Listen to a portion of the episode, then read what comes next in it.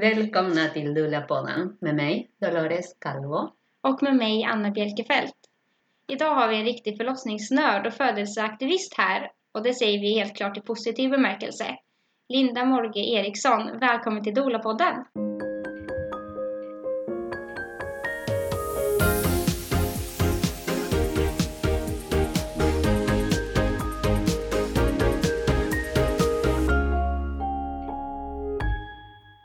Dagens avsnitt ska vi framförallt fokusera på fyra rutiner inom svensk eh, förlossningsvård, nämligen avnavling, prover på navelsträngen, syntocinon och K-vitamin.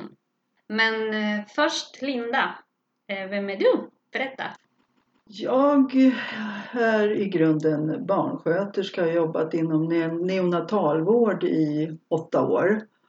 Och på BB och förlossning som både undersköterska och barnsköterska i två år. Och det är länge sedan. I slutet på 80-talet slutade jag. Och sen har jag eh, utbildat mig till eh, andningspedagog, alltså frigörande andning. Som i, I frigörande andning kan man bland annat återuppleva sin egen födelse. Och det var det som fick mig så intresserad av förlossningsrutinerna. För att både jag själv och mina kurskamrater och mina senare klienter och kursdeltagare när de har återupplevt sina födelser och vad de har berättat. Framförallt så var det när navelsträngen klämdes åt när man får panik för att man inte får syre. Och, mm. och, första andetaget måste bli så djupt då för att få i sig syre och det gör ont i lungorna. Och då har man sen hela livet eh, hämmad andning. Man ska kunna andas på ett annat sätt egentligen om man är sent avnavlad. Så det var det här som fick mig så intresserad av just själva avnavlingen.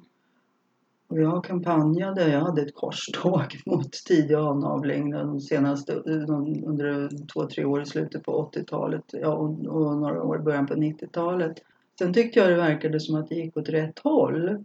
Så jag började ägna mig åt annat. Till exempel eh, djurkommunikation och jag har haft kurser i personlig utveckling och varit invandrarlärare. Jag har bott i England i två år och där höll jag också på med frigörande andning och hade kurser i eh, personlig utveckling.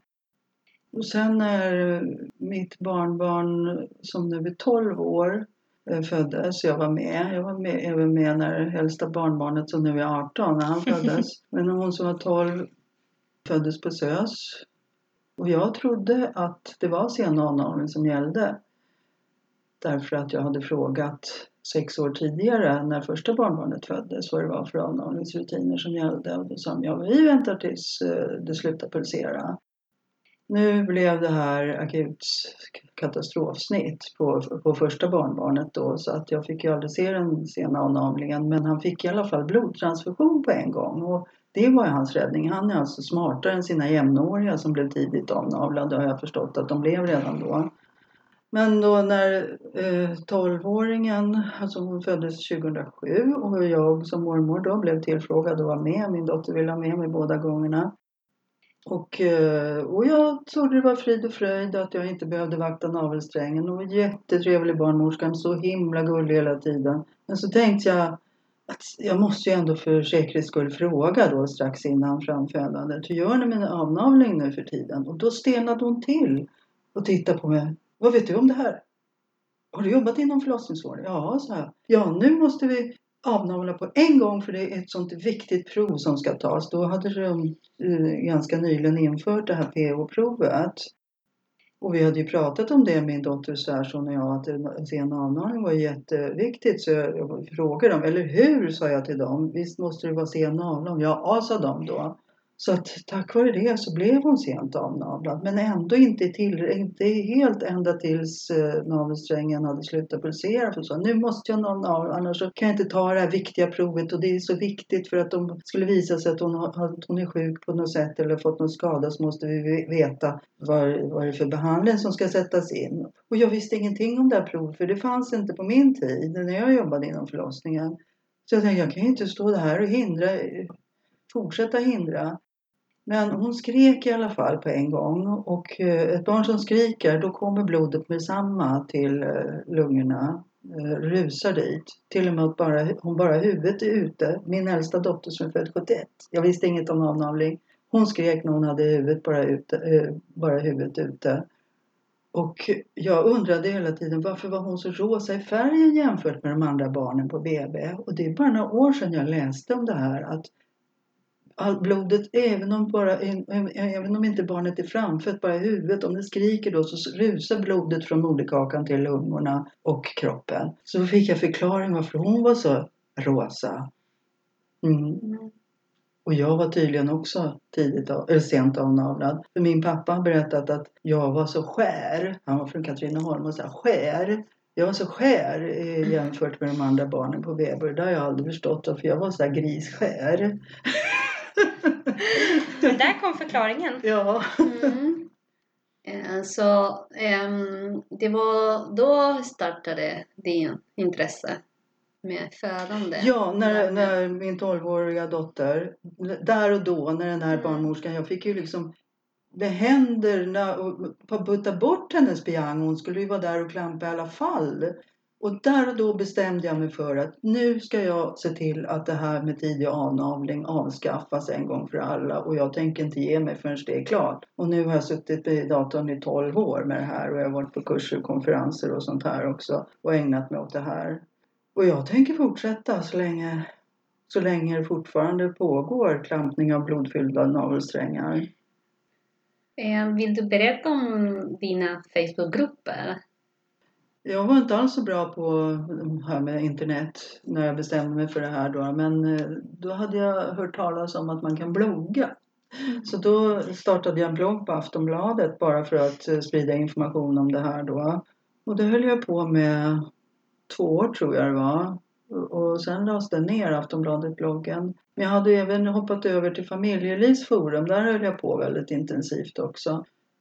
Så att jag höll på parallellt med bloggen och familjeliv och sen började jag på Facebook också och startade Facebookgruppen Sen avnavling barnets födslorätt. 2009 startades den så den, det är tioårsjubileum i år för mm. den.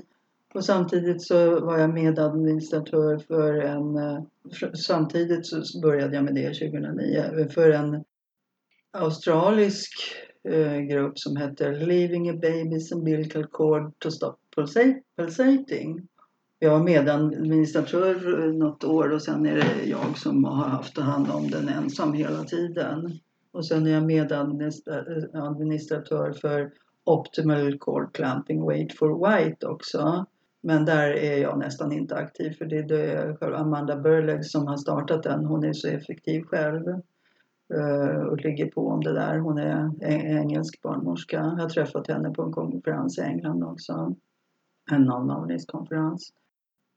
Ja, det är de. Och sen är det en, en eh, sluten grupp också för eh, särskilt inbjudna då, då som jag går inte ut med namnet nu för då kanske folk börjar söka dit och det är inte jag som bestämmer vilka som ska få vara med men jag är medadministratör där i alla fall.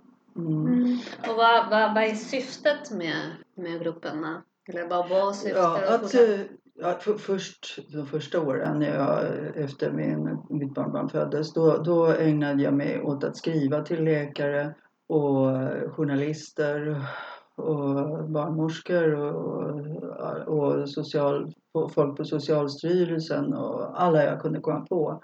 Och det var ju väldigt lite respons. Eh, men sen så bestämde jag mig för att jag skulle vända mig till blivande föräldrar så att de skulle få chans att läsa på under graviditeten så att de slipper bli utsatta för saker på förlossningen som de inte har läst på om. Så du har samlat mycket information? Ja, under de här 12 mm. åren så har jag lärt mig mycket och samlat mycket information.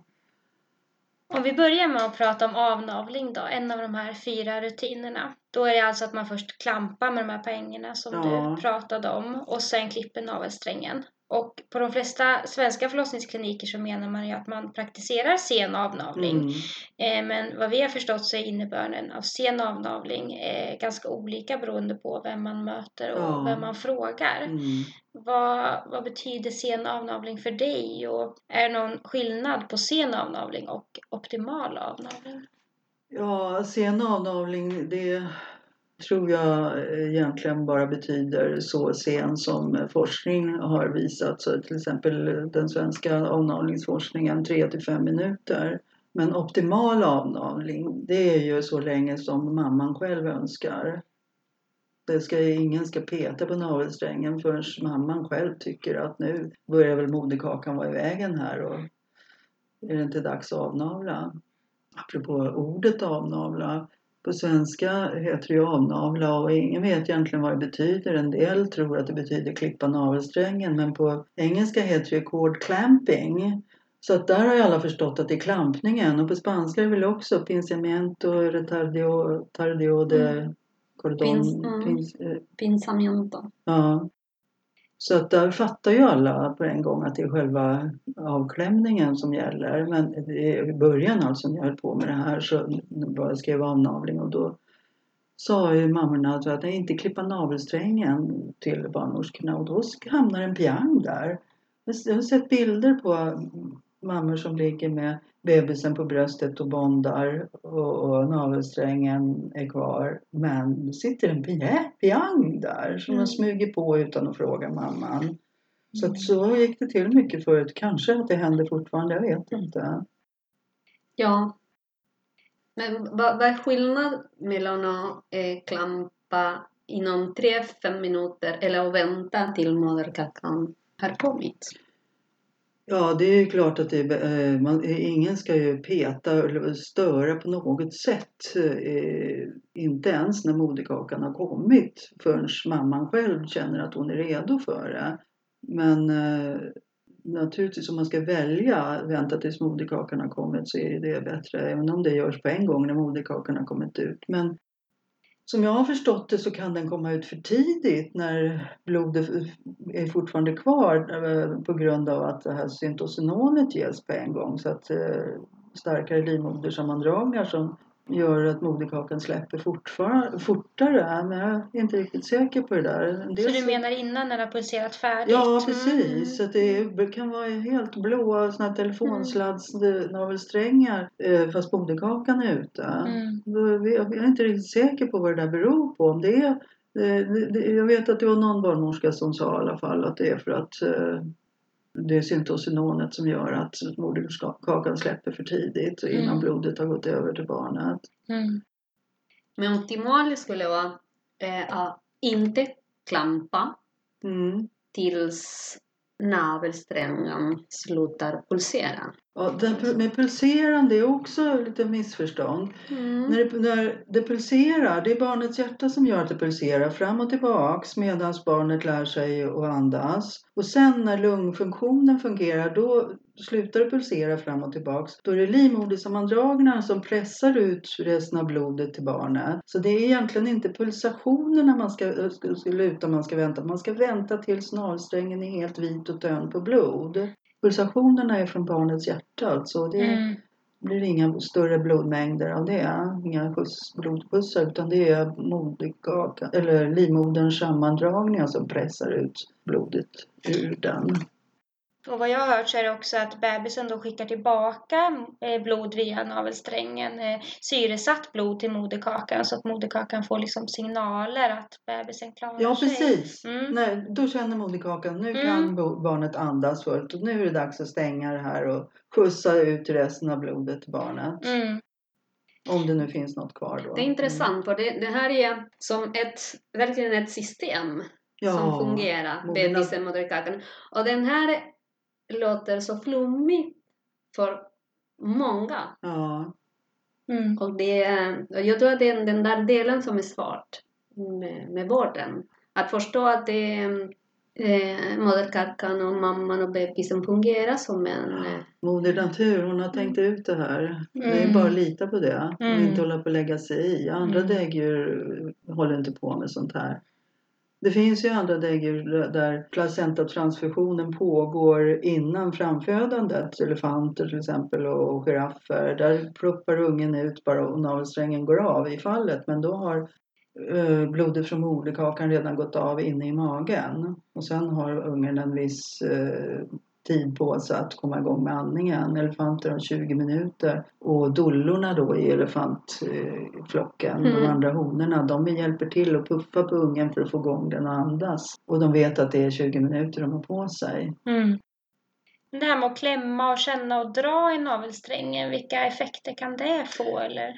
Ja, det, ingen får peta på den alltså. För att eh, ja, det är barnmorskor som vittnar om att eh, då kan det börja krampa. Men det förstår jag inte riktigt det här med krampa. Eh, men att det slutar pulsera i förtid då. Så att ingen ska röra på den.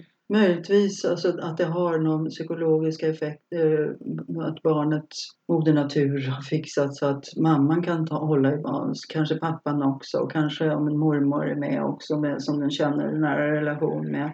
Eller en doula som den känner sig trygg med. Att det funkar om hon gör det eller han gör det. Men eh, helst ska ingen röra den utan att mamman själv, mamman i så fall.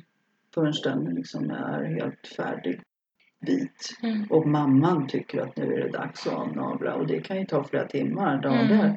Men det är hon som ska bestämma det här. Jag tycker ändå att det är ganska vanligt att man ser att, eh, att det dras i navelsträngen. Ja, Det skulle jag säga är ganska standard. Och de ska vara där och känna och se om har pulserat färdigt. Och då gör det fortare. Då slutar det pulsera för att någon är där. Och just när de kommer och sticker med nålar i den. Det är riktigt illa.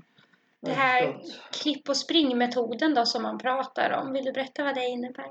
Ja, det är när ett barn eh, föds medtaget, livlöst och, eller inte andas. Och då vill ju personalen snabbt eh, utföra livräddande åtgärder då för igång andningen. Och, och då eh, är det ju så illa ställt med tankeverksamheten på de som bestämmer över det här så att eh, livräddningen ska ske en bit ifrån i ett annat rum till och med.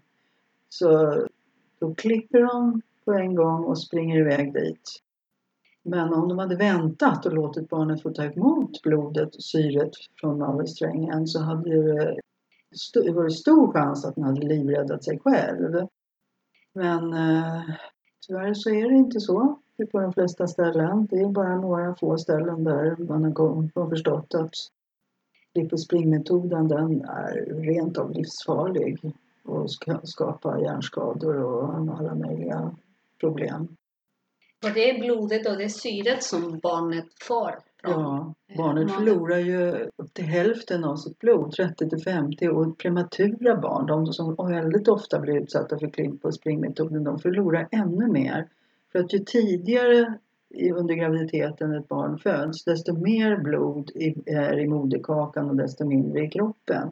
Så om man tar klipp och springmetoden då med ett, eh, ett prematurt barn, i synnerhet ett extremt prematurt, då är det stor risk att de dör alltså eller får riktigt allvarliga skador för livet. Men det finns alltså evidens för att det hade varit bättre att inte klippa och springa. Det finns ju evidens för att barnen mår bättre om de slipper bli av med det här. Att det är fullgångna, friska, full, pigga, fullgångna barn. Då borde man liksom inte eh, tveka att det är ännu viktigare för de som svaga och, och, och sjuka eller medtagna och livlösa. Att det är rent livsfarligt då att att köra med klipp och springmetoden. Jag känner inte till någon forskning än alltså som eh, är utförd. För flera år sedan, fem, sex år sedan känns det som, så hittade jag på nätet att eh, Uppsala universitet skulle börja med en, en sån studie i Nepal. Och där skulle barn, eh, en randomiserad studie, alltså barn som behöver eh, livräddande åtgärder. Och hälften av barnen då skulle ha den gamla vanliga klipp och springmetoden och andra hälften skulle få ligga på mammas mage med navelsträngen intakt ända tills den, har pulser- eller tills den är vit blodtömd. Men jag har inte hört hur det har gått med den här studien. Men nu har jag hört att det är en studie på gång i Sverige på det. Men jag vet inte riktigt om det, och när den är klar i så fall. Men, Men om, om ett barn inte kan andas och man vet att barnet får syret från moderkakan, varför ska man klippa då? Bra fråga. Det Det, skulle jag också vilja ha svar på. Mm. Jag har försökt få svar på den i många år nu men det är många som säger så här, ja men numera säger de att ja men sen avnavling är bra. I början när jag började med det här, det var inte bra för det var massor med risker med det. Men nu är de flesta överens om att det är bra. Men om barnet mår dåligt, då måste vi avnavla för ett snabbt omhändertagande. Hur tänker man då? Mm, då barnet mest av allt hade behövt Ja, sitt blod. precis. Mm. Precis. Den nya Karolinska här barnbordet i rummet. Ja, Så Jag skulle, vet inte hur det är med det. Det var ju någon som skrev nyligen på, i min Facebookgrupp då sen att nej, de där barnborden, de kan man inte använda till eh, med, med intakt navelsträng utan Mm. de står bara där för att inte föräldrarna ska bli chockade av att man springer iväg med barnet. Så att det är klipp och spring några meter istället. Om, jag, om det stämmer det hon sa då. då. för i England har de eh, Ja, de mobila... Ja. Ja, och de har bredvid. Bredvid mamman, Mamma. ja. ja. Ja, jag vet inte hur det är med de barnborden på Karolinska, om de, har, eh, om de går att rulla. Alltså jag gissar väl att de går att rulla eftersom man kanske ändå behöver ta iväg. Nej, jag vet inte. Men det var... Jag blev så glad när jag såg de där barnen för jag tänkte att nu äntligen har de förstått. Men så Mm. var det någon som skrev nu, för bara någon vecka sedan tror jag det var, i Facebookgruppen att det blir klipp och spring några meter istället. Mm. Alltså. Såg ni det här Roskildes födeklinik i Danmark? Mm. Som jag la ut häromdagen, en bild på den här rullvagnen från Ikea. Nej, jag har inte sett. Världens bästa barnmorska, Jacqueline Weistrup. Ja, Henne mm. känner jag. Vi, var, vi har varit på konferenser tillsammans. En, i, en vecka i Skottland och sen nu i december var vi i Norge. Hon är världens bästa. Hon jobbar där nu i alla fall och hon har köpt ett, ett rullbord med, som är flera, med lådor i några våningar eh, på Ikea för 300 kronor någonting. Och så har hon lagt i såna här neopuff och syrgas och grejer så, som behövs till mamman också så att mamman ska kunna ventilera som det skulle behövas. Som finns där om, om något barn skulle behöva, vilket de i princip aldrig behöver eftersom de inte blir omnavlade förrän mamman säger till. Då. Så att ett barn som mår dåligt och skulle kanske behöva livräddande åtgärder livräddar sig oftast sig själv om eh, navelsträngen får vara intakt. Men om det ändå inte skulle gå så har de grejer där att göra det Mm. med. Och så kan man ju göra så som Robin Lim pratar om också. Eh, en eh, helt fantastisk barnmorska. Hon bor på Bali och har en klinik där som heter Bumi Sehat. Jag har träffat henne mycket också. Om ett barn behöver livräddande åtgärder så eh, låter de naturligtvis navelsträngen vara i fred. Och när, om barnet fortfarande inte mår bra eller till och med är livlös när moderkakan kommer ut då lägger de den i ljummet vatten och masserar den ända tills barnet kommer till liv igen. Hon berättade ju också om när hennes tik, hennes hund, hade fått valpar. Eh, hennes son och barnbarn var hemma då och en valp var dödfödd. Och då gjorde de som de gör vid Bali, lindade in den i något vitt och tog bort den därifrån från mamman. Men mamman hon brydde sig inte om de andra valparna. Hon ville bara ha den där dödfödda valpen. Och Robin kom hem då och sa nej men lägg genast tillbaka valpen till mamman. Och då började, eh, började mamman och, och slicka på, för moderkakan var kvar då. Varje valp har ju sin moderkaka och navelsträng. Började slicka på moderkakan och samtidigt som hon hade valpen under hakan så att den masserades. I två timmar höll hon på så började valpen leva. Det är helt fantastiskt. Mm. Mm. Så kan man också göra. Mm. Eh, vi var inne lite på det, men vilka nackdelar finns det med att klippa navelsträngen direkt? Om du vill liksom gå in lite mer på det. Klampa menar du? Ja, klampa. Mm. Det första man gör som är ett dåligt beslut. Mm. Mm. Ja. Barnet får, känner panik för att den inte får syre. Plus att det förlorar ju så otroligt mycket blod. Alltså det är livsfarligt att, att, förlora så där mycket blod. Det är ju 30-50 procent för fullgångna barn och ännu, ännu mer för, för, för prematurer. Då. Vuxna blodgivare får inte lämna mer än 10 till högst 15 procent av sitt blod per gång. Och här alltså så ska nyfödda barn förlora upp till hälften, 30 till 50 procent. Och så undrar man Eller för de är så trötta efteråt och inte vill amma. Och, mm. Hur skulle vi må om vi förlorar så Ja. mycket blod? Ja, Robin Lind berättade om det också. En barnläkare som var på studiebesök på hennes klinik där i Bali där alla barn eh, har navelsträngen kvar i minst tre timmar. Och den barnläkaren, en italiensk barnläkare som hade sett hur många barn som helst tidigt avnavlade då. Och han sa att han har aldrig sett så pigga, alerta barn och så medvetna. Och han var ju helt chockad när han fick se det. Så att det är inte klokt vad alla barn har blivit utsatta för egentligen, de flesta barn. Det är helt förskräckligt alltså. Mm. Det är ju sån skillnad på de sent avnavlade och tidigt avnavlade. Kan man Mm. se några liksom långtidseffekter på de här barnen eh, som eh, respektive har fått mycket blod och inte fått mycket blod? Ja, det borde ju göra studier på det alltså. Mm. Men de få barn jag har sett ser hur alerta och medvetna, hur tidiga de är med motoriken. Ja, det finns det ju studier på med finmotoriken. Mm, men liksom finmotorik. och det här med att följa blick och förstå. Och jag ser ju bara på mitt barnbarn som är han fyller fyra år i sommar nu då, som är född i mormor och morfars trädgård.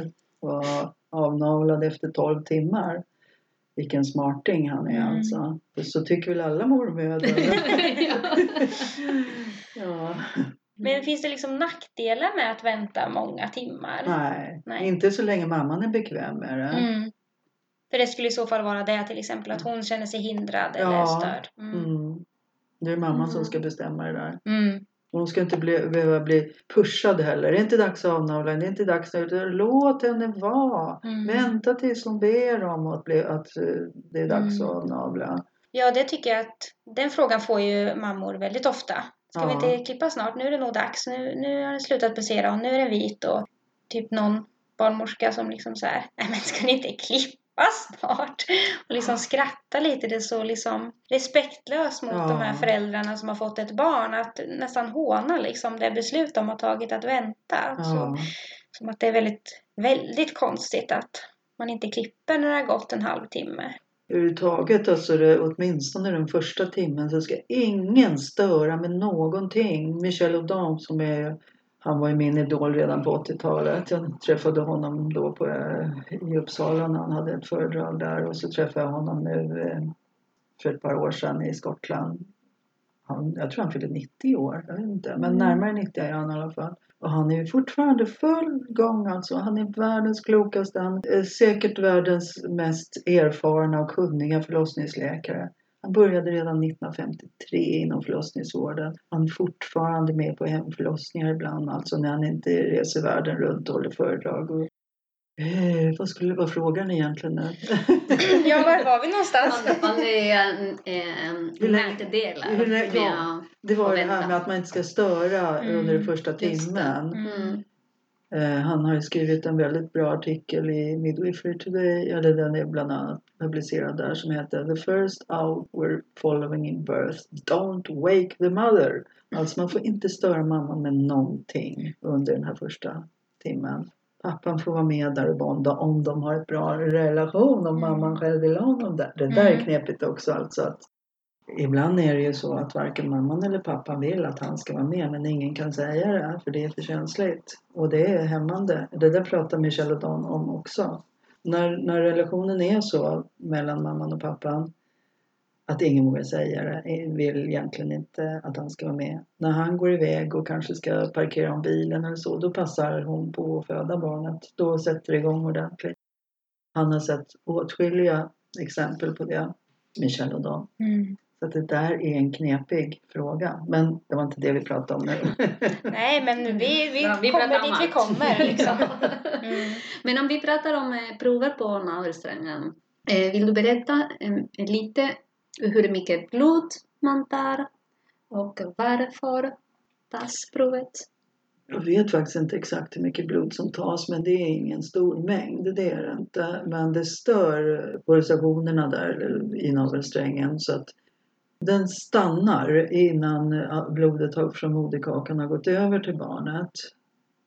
Det är en svensk barnmorska som berättade om det här eh, för några år sedan. Som hon skrev det i Facebook i, i sena anordningsgruppen. Att hon har verkligen studerat navelsträngarna före och efter de har stuckit med, med nålen, nålarna.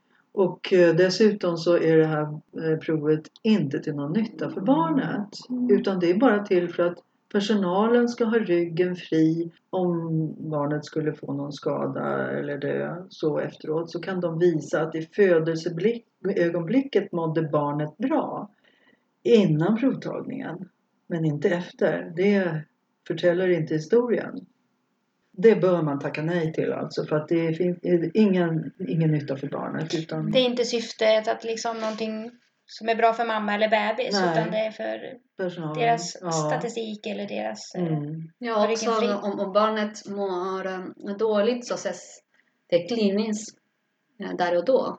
Behövs inte provet. Nej, då måste jag ändå ta om provet Precis. igen. Så att eh, det, om barnet mår dåligt och det har tagits pH-prov så tas det ändå ett nytt prov för att de ska kolla. Men det är ändå inte till nytta för barnet. Engelsk förlossningsläkare som jag har haft mejlkontakt med ända sedan start. Då, då. Jag träffade honom på en avlagringskonferens i, i Birmingham 2013. Han sa att pH-provet det är att jämställa med att knipsa bort en bit av hjärnan för att se om det är något fel på den. Det var inget fel innan provtagning men det blev det efter. Det är lika, han jämför pH-provet med det.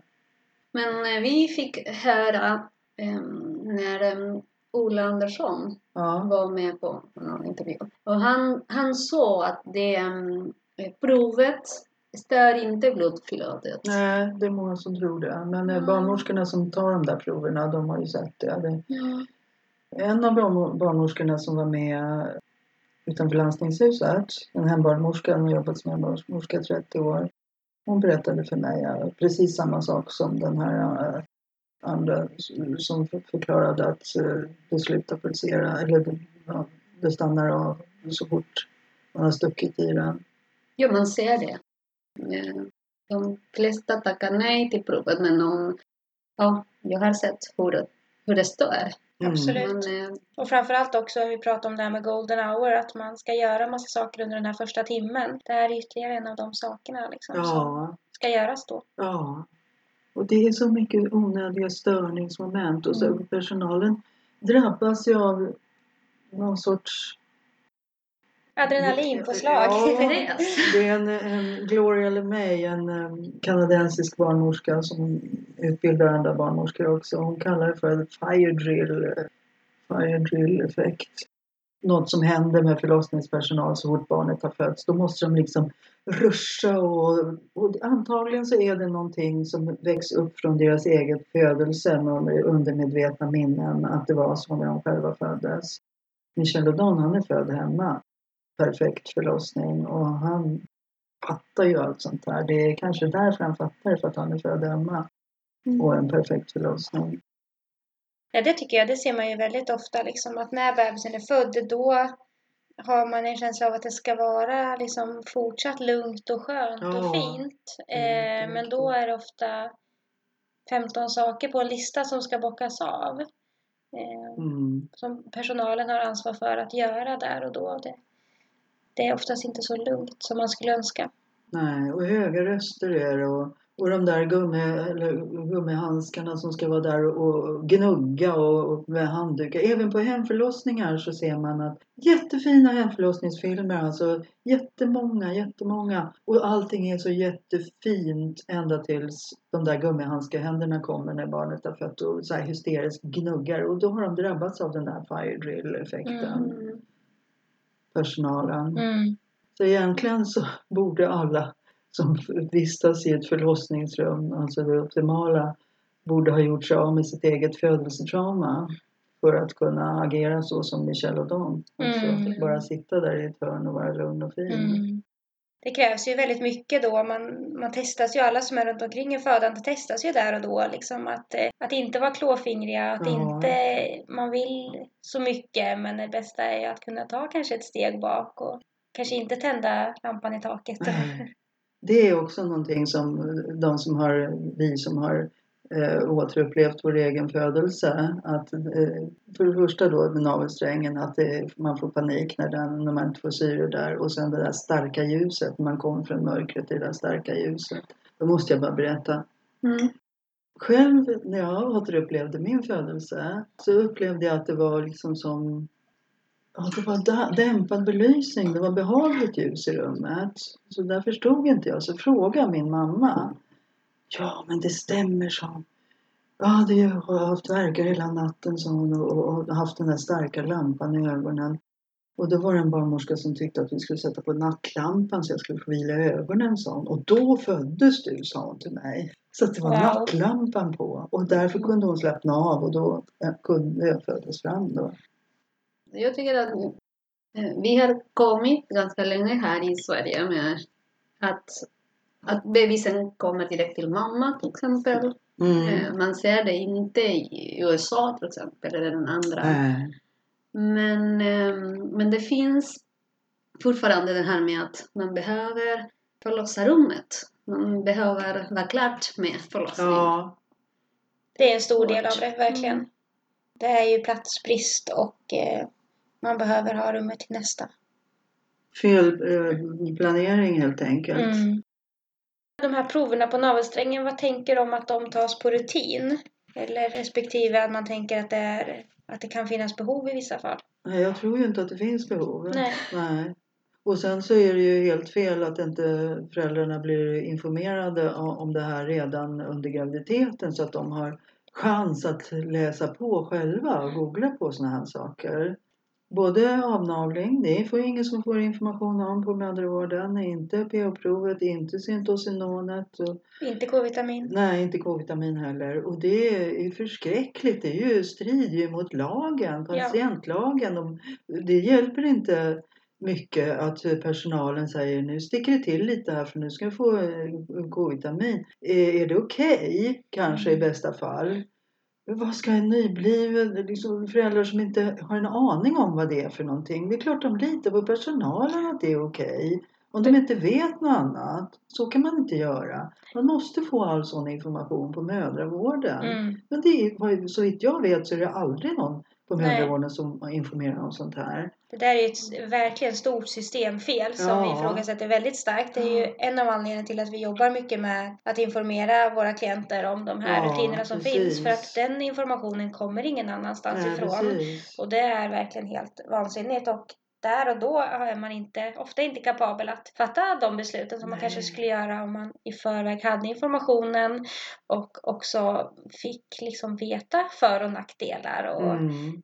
Och man själv kan då avgöra, väga för och nackdelar Mm. mot varandra. Så då är det informerat samtycke, Ja. inte annars. Jag skulle verkligen vilja liksom veta varför får man inte den här informationen på MVC? Det är en mycket intressant fråga. Det, det, då i början då, då skrev jag ju till mödravårdscentralerna också och frågar där. För det mesta fick jag inget svar alls eller också var det bara goddag yxskaft svar alltså. Det kanske har att göra med att det finns inte kontinuitet i vården. Nej, precis. Man träffar olika barnmorskor. Ja. De, de flesta barnmorskor som jobbar på MBC jobbar inte på förlossning. Deras Så att, eh, uppgift är å andra sidan liksom att förbereda kvinnorna för förlossningen, inte Mm. bara typ ta hand om graviditeten. Det är också snällt sagt kanske i många fall att det är mer att man, man väger eh, sig och eh, tar blodprover men eh, blir förberedd kan jag nog räkna ihop ganska snabbt hur många av mina klienter som har känt efter att de har varit på MVC. Så att, att bli förberedd inför förlossningen kanske mer syfte skulle vara att gå till MVC. Ja, verkligen. Mm. Det är inte klokt alltså att man inte får den informationen. Om vi går över till det här eh, med att eh, spara stamceller. Det har ju under de senaste åren varit liksom mer och mer på tapeten. Mm. Eh, vad tänker du om det? Ja, det är vansinne. Om Mm. ni frågar mig. Alltså det går ju, föräldrarna får inte den informationen. Det, går- det går ut på att man ska ta eh, en stor mängd blod från barnet. Oftast så är det omedelbar avnavling. Eh, men eh, nu har de på Karolinska Huddinge börjat med att vänta en minut i alla fall. Eh, vilket eh, resultatet att det blir ofta inte tillräckligt mycket för att det ska gå att spara. Så att därför måste de ju avnavla så tidigt som möjligt. Då. Och det får inte föräldrarna information om. Eh, det här, eh, den så kallade altruistiska nationella navelsträngsblodbanken på Sahlgrenska. Det, där samlas ju blod då från bebisar som föds på Östra sjukhuset i, i Göteborg och på Karolinska Huddinge i Stockholm. Eh, då får föräldrarna information att de frågar om de vill rädda liv på sådana som behöver cancersjuka och så här. Då. Och det, det är klart vi vill göra det. Det är en enkel insats. Navelsträngsblod, då tänker man ju att det är några droppar som har blivit kvar i navelsträngen efter ett naturligt förlossningsförlopp. Ingen talar om att då måste man klämma av navelsträngen med detsamma så att hälften av barnets blod blir kvar och, så, och det doneras då. Och de stamcellerna kan då eh, bota andra, fine. Men då blir det här barnet av med de stamcellerna som kanske och barnet kanske då i framtiden kommer, behöva, kommer utveckla sjukdomar som kräver eh, behandling med stamceller. Och så är det... Herregud. Det är vansinnigt. Och nu sen några år tillbaka så har det ju kommit in sådana här privata där man sparar sitt eget barns blod för behov i vuxen ålder. Och de är fullkomligt felinformerade de föräldrarna också. Och dyra pengar är det. Och så håller de på att försöka lura in dollor i det här också. Har ni fått sådana förfrågningar? Ja. ja. Vi har fått mail. Ja. Mm. Att dollorna ska slå dunster i huvudet, mm. i, i ögonen på blivande föräldrar. Mm. Och doler som inte själva har fått den här informationen, de tycker säkert det är jättebra då. Ja men det är en bra insats, det är klart ni ska göra, tänker väl sådana doler då. då. Jag inte. Men varför väljer föräldrar att göra det här, att spara stamceller till sina egna barn framöver? Därför att de tror att om barnet får cancer i framtiden så har de sin egen... Egen medicin? Ja. Mm. Men eh, om barnet får leukemi så funkar det inte att bota med det egna blodet. Ja, jag fattar inte riktigt. Men han som är chef för nationella navelsträngsblodbanken på Sahlgrenska, Anders Fast heter han, han har gått ut med att det funkar inte med det egna blodet om barnet får leukemi. Men de här privata navelsträngsblodbankerna de informerar inte föräldrarna om det, vad jag vet. Barnet behöver stamceller ja, nu. Precis direkt. Ja, mm. logiken är inte så logisk. Och det, de stamcellerna finns kvar hela livet och, och skyddar mot sjukdomar och reparerar skador och så här. Alltså att de är jätteviktiga att man får behålla alltihop redan från början. Till och med skador som har, kan ha uppstått under förlossningen så behövs de här stamcellerna och då behöver de lättflytande blod för att stamcellerna ska kunna ta sig fram till de här skadade ställena också. Mm. Det är dyra pengar, stora kostnader för att spara de här stamcellerna. Ja, precis. Föräldrarna är lurade. Mm. Får de rätt information så gör de det naturligtvis inte. Nej. Det är ofta som det här PO-provet, om, eh, när föräldrar läser på om det så tackar ju de allra flesta nej som vi dolar. Absolut. Ja, bra.